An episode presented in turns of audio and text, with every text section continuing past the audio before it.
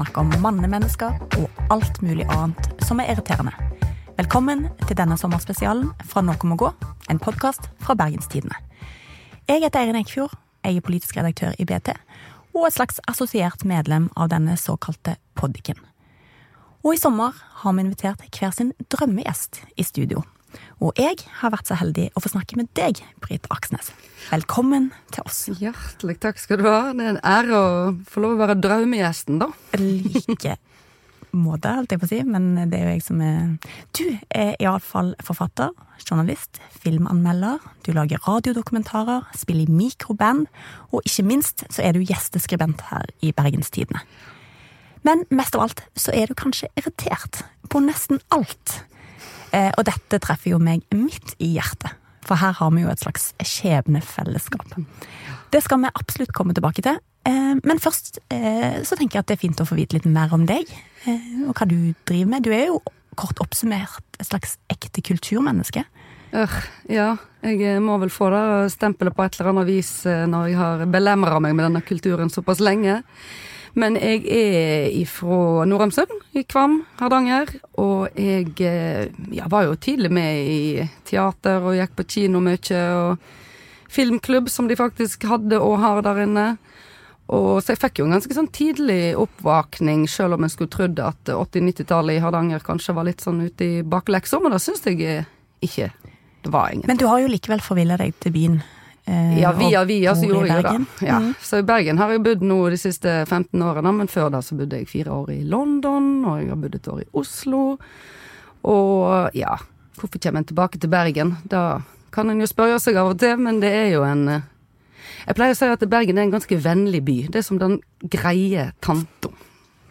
Den er grei å komme tilbake til Behandler behandle deg relativt bra. Ikke alltid like spennende men er allikevel en, en, god plass å drive med kultur og Ja, en grei tante. Jeg vet ikke om Bergen nødvendigvis tar dette som et kompliment, men uh, Bergen bør tåle å ta litt uh, både kritikk og forskjellige om en annen, spør du meg. Men kjenner du deg som bergenser? For det har jo vært et tilbakevendende tema i denne poden tidligere. Jeg kjenner meg ikke som en bergenser.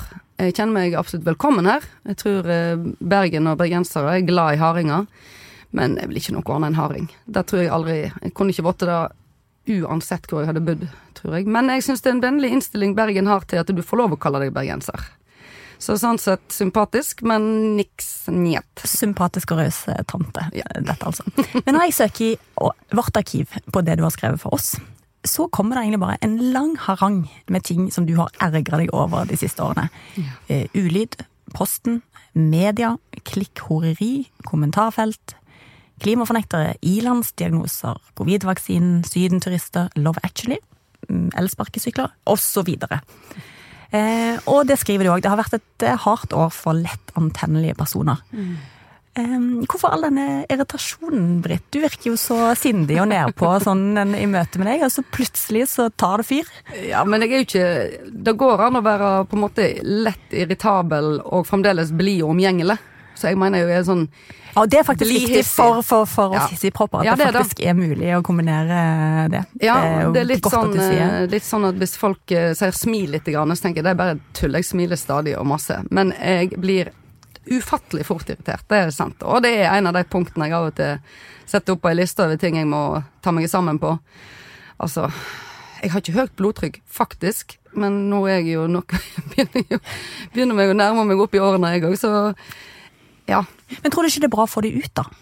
Fordi at eh, man blir jo liksom ferdig med det og har en utblåsning på trykk eller eh, personlig, og så er du liksom ja, så ja, går man videre. Jo, du sitter jo òg med en viss tvil når du er irritert over ting. For du veit jo at alle andre er ikke irriterte på de samme tingene som deg, så det ligger en tvil der. Så jeg tror jeg føler at jeg kan bli mer eller mindre overbevist om mitt eget sinne, da.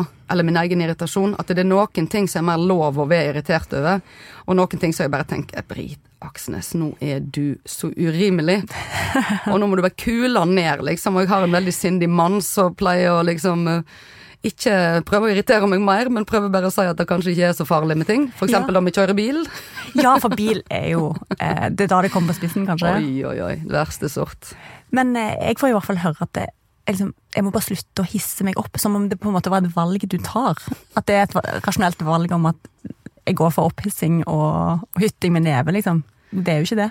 Det er jo klart det er ikke det, og det er jo som du sier, det er jo ikke en sånn fornuftig, rasjonell tankegang bak det. Det det er boff. Det er som å sette nøkkelen i og vri rundt. Da er det jo veldig fint å ha en spalte som du kan ja. skrive ting ut. Du, Det er jeg faktisk veldig glad for jeg har, og da føler jeg virkelig jeg får uttrykt, for da får jeg jo faktisk tenkt gjennom tingene. Og det er et visst krav, journalistiske krav til hva som må være med i en kommentar.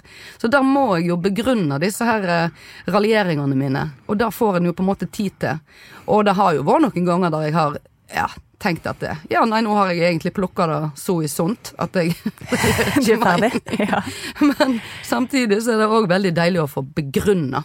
Dette er det som gjør at jeg blir så eitrende over småting, sånn som den lista du hadde der i stad med ilandsproblem og hva folk har lyst til å kalle andre, og hva de syns om homofili, og jeg veit ikke hva. Og ja.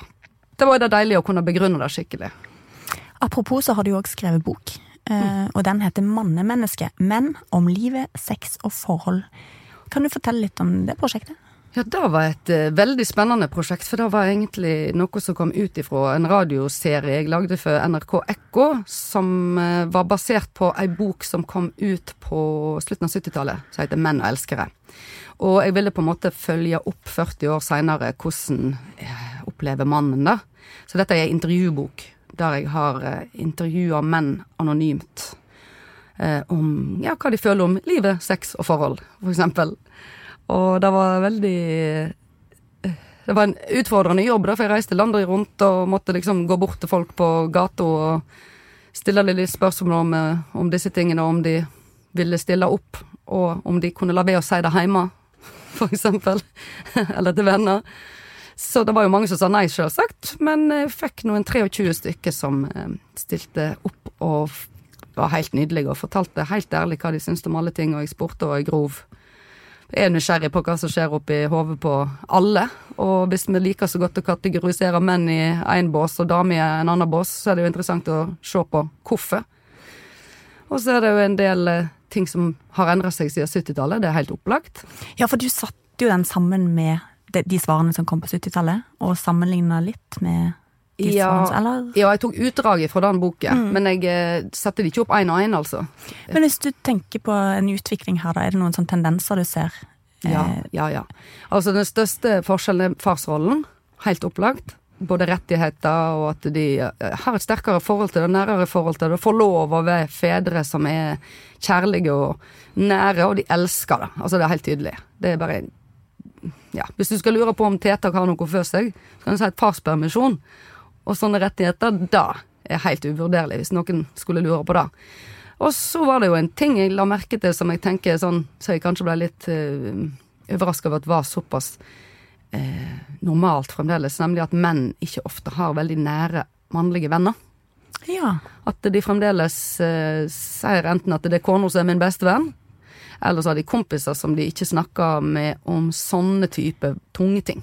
Ja, så når de da fikk lov til å snakke om livet med deg, så var det kanskje ikke så mange andre de delte det med?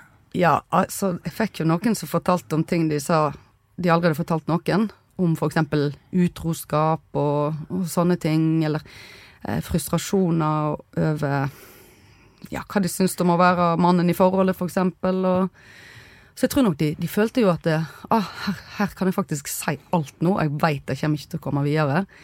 Og eh, jeg veit at, eh, at dette her eh, kommer ikke til å si igjen. Jeg kan ikke bli gjenkjent på det. Så, Så det er sikkert en terapeutisk effekt da, for enkelte. ja, det tror jeg. Noen av de tror jeg absolutt Noen av de tror jeg òg bare tok litt lett på det, og var litt sånn ja ja, gjør ikke meg noe, jeg kan endelig snakke om dette. Det var jo helt tilfeldig hvem jeg traff på, sant. Men virker de lykkelige, disse mennene? For da har du jo et såpass stort utvalg at det går kanskje an å si noe generelt. I hvert fall hvis du sammenligner med de eh, 70-tallsmennene. Nei, vet du hva, faktisk så syns jeg ikke jeg kan sammenligne det på den måten, for at eh, det er 23 stykker. Vi er nå 2,5 millioner menn cirka, så noe gjennomsnittlig mannemenneske. Men det var det som var poenget mitt òg. Jeg ville ikke egentlig få fram det. Jeg ville ha nøyaktig hva denne ene personen sa. og Det var derfor jeg ikke kalte boken for mannfolk. Det skulle ikke oppfattes som at det var en haug med mannfolk, men det er mannemenneske. Så njet. Jeg vil ikke si at det var en generalisering om de var lykkeligere nå eller da. Det kan en ikke si. Det var Noen var lykkelige, noen var ikke, og noen var helt midt på det jevne.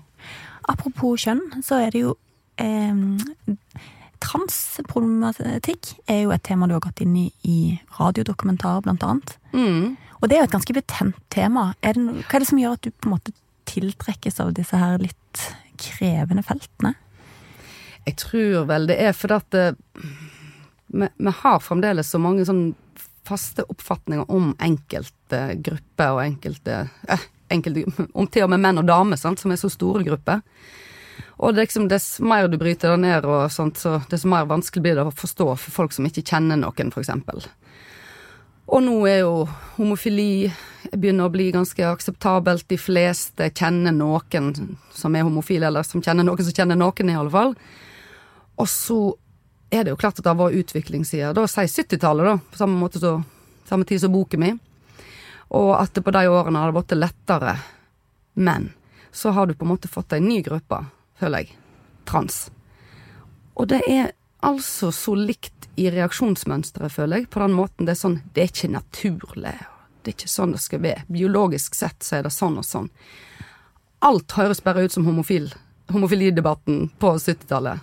Og jeg tenker, er det mulig? Skal vi nok en gang balle oss inn i dette her, basert på at vi ikke kjenner nok til det, ikke kjenner noen som er det, og bare problematisere det i hytt og dynevær, og ikke få meg til å begynne på garderobegreiene en gang. Jeg blir så eitrende forbanna på folk som, som bruker det der Vi vil ikke ha menn i garderobene utkledd som damer. Jeg mener, faen, skjerpings, altså.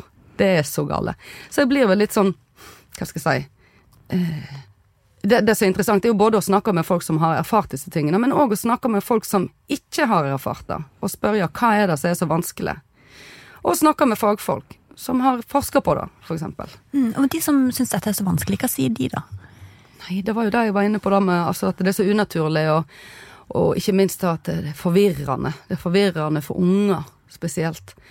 Og eh, ja, det er forvirrende å være en unge, det er forvirrende å vokse opp, og det er forvirrende å lure på hvem en er. Og det bruker en jo gjerne lang tid på, men hvis noen kan virkelig slå i bordet med å si at eh, informasjon, det er dårlig. Det er veldig dumt å få informasjon og bli informert.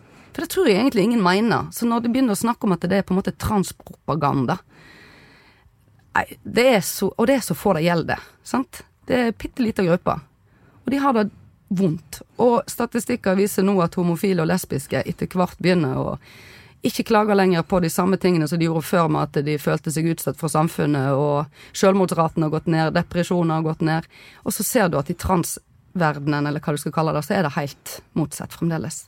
Og da er det jo noen som ikke har det bra, og det er ikke fordi dine unger blir forvirra på skolen. Det er liksom ikke de som har det vondt her. Og da blir jeg, ah, jeg, jeg Ja, jeg forstår det ikke. Mm. Og et annet tema er barnløshet. Mm. Det har du òg gått inn i med liksom samme forskningsblikket. Jeg har brukt meg sjøl, da. Ja, kan er det. Ja, for det har du òg gjort. Ja da. Eh, ja. Jeg er ikke trans, jeg er vel det som de, de mest uh, ihuga antitrans vil kalle uh, mest irriterende ordet, som er cis. Men jeg er da dame, født og føler meg som dame. Og det er jo en av de tingene som en får høre som dame, at eh, skal du være fullkommen dame, så må du få unger. Og det er kanskje en av de tingene som jeg jobber masse med. Hadde ikke lyst på unger, og så kom jeg til et tidspunkt i midten av begynnelsen av 30-årene der jeg følte hm, kanskje jeg bør få unger. Vurderte litt sånn Danmarks opplegg. Og så landet jeg på at nei, vet du hva, jeg vil jo ikke ha unger. Hvorfor skal jeg få unger? Nei, men Du kjente på et veldig sterkt press fra samfunnet rundt deg. Var det, var det direkte kommunisert? At folk spurte direkte, eller opplevde du mer en sånn, sånn tvetydig pirking i dette? Ja, jeg vil vel si at det var mer en slags hinting og, og spørring og litt sånn ja, ja det, du møtt Klokken tikker. Ja, alt mye, mye sånt. Og, eh, men jeg vil ikke si at jeg egentlig var utsatt for direkte sånn her eh, du må få unger. Men jeg traff blant annet en venninne av meg på toget en gang som ikke har sett på årevis, og hun hadde to unger, og så sier hun ja, du har fått noen unger ennå, du da? Nei, sier jeg. Ja ja, det er enda ti. Og så er det sånn legge hodet på skakke, Ja. og, og at det er en eller annen sånn form for Ja. Antatt sympati i det. Mm. Og så syns jeg det var vanskelig, for at jeg har jo Dere sa jo for meg at du kunne ha blitt litt irritert. Altså, jeg ble ikke sånn irritert, egentlig, for hun er en grei person. Hun mente det godt, Mm. ja, så jeg kan ikke si, kan ikke si det, men, men jeg ble litt sånn her eh, pff, redd for at foreldrene mine skulle liksom At jeg skulle bli ensom som gammel, for eksempel. Sant? Denne her illusjonen en har om at får du bare barne, barn, så får du òg barnebarn. Og får du det, så skal du aldri være aleine. De skal bo i huset ditt omtrent resten av livet, enda de fleste flytter jo vekk, for å si det sånn. Så ja, det var mye mer fordommer, sånn ytre sett, som jeg ville ta tak i, da. Ja, for dette har du jo egentlig tatt tak i og gjort det journalistiske prosjekter. Tatt tak i liksom den eh, Men hvordan gjorde du det? Eh, Da gikk du rett og slett ut og prøvde å finne folk som sto i det samme, eller som hadde ulike perspektiver på dette? Det gjorde jeg, og så brukte jeg min kjære mor. Og stilte henne litt til vekks og sporet om eh, Ja, for du har brukt en ja, hvordan, Ja, Hva syns da. din mor om dette, da? Å bli et slags offer for journalistikk? Nei, hun, hun er nå ganske velvillig, hun, men, men det er jo klart at hun, hun mener jo da at hun har nå aldri liksom meint at jeg må få unger. Så sa han nei, men du har òg fortalt veldig mye om hvor viktig og hvor bra det var å få unger, og hvor, hvor, vikt, hvor stort det var for henne. Jeg husker hun fortalte om ei venninne, så når hun blei oppi årene, så ja, da kjente hun på det. Ja. Hun savna de ungene. Men hun er jo kanskje helt genuint bekymra for at du skal angre på et tidspunkt, og at da skal det være for seint. Hun var nok det, men det er hun ikke nå. Ja, men det er bra. Og det er jeg 100% sikker på, og da er folk rundt meg. Og det som jeg kjenner på nå når jeg er liksom Nå kan jeg snart ikke få unger lenger, og da er det ikke så Da er det litt deilig, da senker du skuldrene. Nå er jeg ferdig med de greiene. Men det er klart at den forventningen som ligger i det tidsrommet du kan få, den er, den er, den er et press i seg sjøl. Tror jeg. Men den frihetsfølelsen som det òg var når jeg bare kjente nei, jeg skal jammen meg ikke ha det. Ja, og det å bare slippe å forholde seg til den Slippe å- beslutningen. Jeg leste et sted at eh, kvinner faktisk er lykkeligere eh, når de ikke er i fertil alder. Ja, og da, da kan jeg jo tro på. Det, det er Det litt er i hvert fall stress. fin ting med å bli gammel, liksom. Bare, Mange ja. fine ting Ja, med å bli gammel. Ja, ja, ja. Apropos alder, så har jo du òg skrevet om midtlivskrise. ja. Og den vil du bare avblåse. Og det har du ingen tro på. Det er jeg. Jeg har forskere som har fortalt meg det. Det er jo det jeg liker. Jeg liker å late som jeg er fordomsfull når jeg går inn i et eh, prosjekt. Eh, og da er det en del forskere som blir litt overraska. De, de, vil- de tror at jeg skal komme og si ja, hva er det nå du skal få bekreftet, da? Var det en professor som sa til meg. Så sa jeg jeg er faktisk ikke ute for å bekrefte noe. Jeg er bare nysgjerrig. Men går du inn med en rolle, da? At du på en måte spiller en sånn fordomsfull rolle, eller går Ja, litt. inn i Ja. Ja, at jeg på en måte sier eh, sånn Det er vel sånn at vi veit jo alle om menn i midten av livet som kjøper seg Harley Davidson, og som får seg ny dame, og hun er mye yngre, og så skal de få kull nummer to og nummer tre. Og så uh, sier de både hormonlegen var nei, det er ikke noe overgangsalder for menn på samme måten, det er en veldig gradvis ting som skjer. Og professor psykologi sier at eh, nei, det er ikke noe verre midt i livet, men uh, det er klart. Det betyr ikke at det ikke er utfordringer midt i livet, men det er utfordringer hele livet, og i alle overganger. Hele livet er jo en krise. Hvorfor skal man eh, dvele så mye med den midt i? Ja, men, men det er jo interessant at du bruker menn som eksempel her òg, da. At midtlivskrise for deg, er det en manneting? Ja, for da tror jeg det er sånn eh, klisjéaktig. Ser dere det?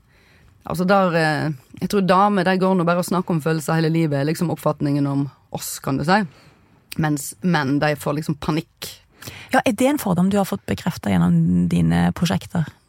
Nei, jeg har jo ikke det. Det er veldig store individuelle forskjeller, og det er det som jeg alltid kommer tilbake til. Og det er jo en ting som jeg òg har irritert meg over. Den listen folk har til å kategorisere. Ja, jeg merker det jo sjøl når jeg stiller deg spørsmål, at jeg vil gjerne få noen sånne boksaktige konklusjoner fra deg. Jo, klart det, Ja, men det forstår jeg jo. Men sånn Ja. er vi jo. Og vi liker jo det. Det er derfor vi blir for eksempel veldig frustrerte når vi møter transpersoner. Spesielt hvis ikke de har hatt en overgang som viser at de er enten mann eller dame. Da må ikke kunne se om folk er et kjønn. Ja, at det blir litt sånn forvirring i ja, vi klarer ikke å klarer få det til å stemme. Det, Nei, sant? Så, så jeg er veldig glad i å avkategorisere så godt det lar seg gjøre, men det betyr ikke at jeg ikke skjønner frustrasjon og forvirring. Jeg, jeg er jo sånn sjøl, jeg er jo en helt normal person som Jeg har bare lært meg at dess mer jeg fordyper meg i ting, dess mindre får jeg bekrefta de fordommene jeg gjerne har. Sånn som for eksempel mitt livs krise. Og så begynner jeg å tenke mm, nå må jeg tenke på vennene mine. Altså det er noe, For det første liker masse av mine kvinnelige venner som går rundt og lurer hva skal jeg nå gjøre med livet nå når ungene begynner å bli store og jeg ikke veit hvor lenge jeg skal være attraktiv på arbeidsmarkedet lenger. Men det på en måte framstår ikke så kriseaktig som mine mannlige venner som er litt sånn åh, jeg vet ikke om jeg kan være i dette forholdet lenger. Åh, jeg føler meg så grå, jeg føler at ingen ser meg lenger, jeg føler meg usynlig. Så blir det sånn å stakkars, for en krise. Men lite sympati med den eh, da? Ja, litt, litt Eller nei, en skal jo ha sympati med folk som syns ting er kjipt, men det er jo klart at det, det er en ilandsgreie der òg. Vi snakker menn som har helsa i orden, de er midt i livet, de har Endelig har de masse penger. Da lurer jeg nemlig på om det er det som gjør at folk kjøper seg Harley Davidson. Det er ikke nødvendigvis fordi de har midtlivskrise, men det er fordi de for første gang i sitt liv har råd til det.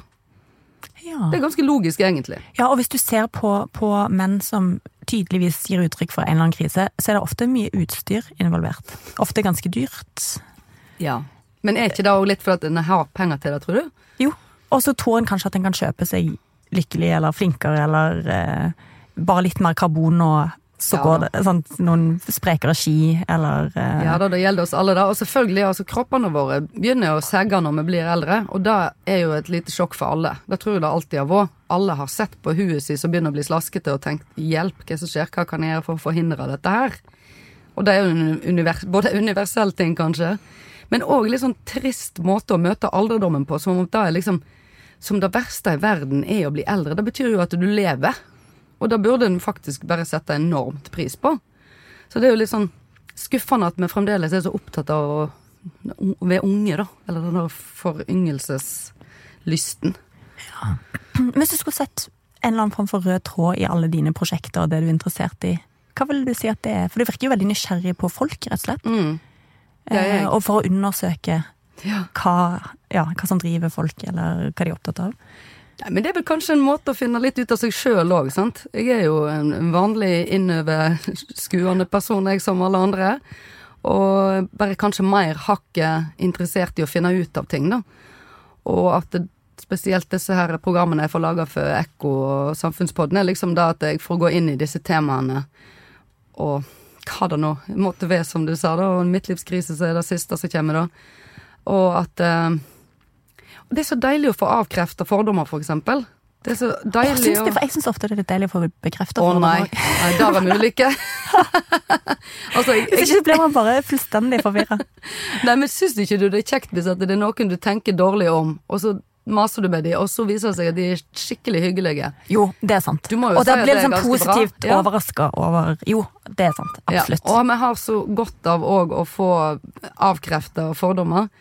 Eh, det betyr jo ikke i alle tilfeller. Men jeg lagde jo òg et program der jeg intervjua noen av disse her BT-kommentatorkongene, sånne som skriver i kommentarfeltene på Bergens Tidende, og de fikk jeg treffe ansikt til ansikt.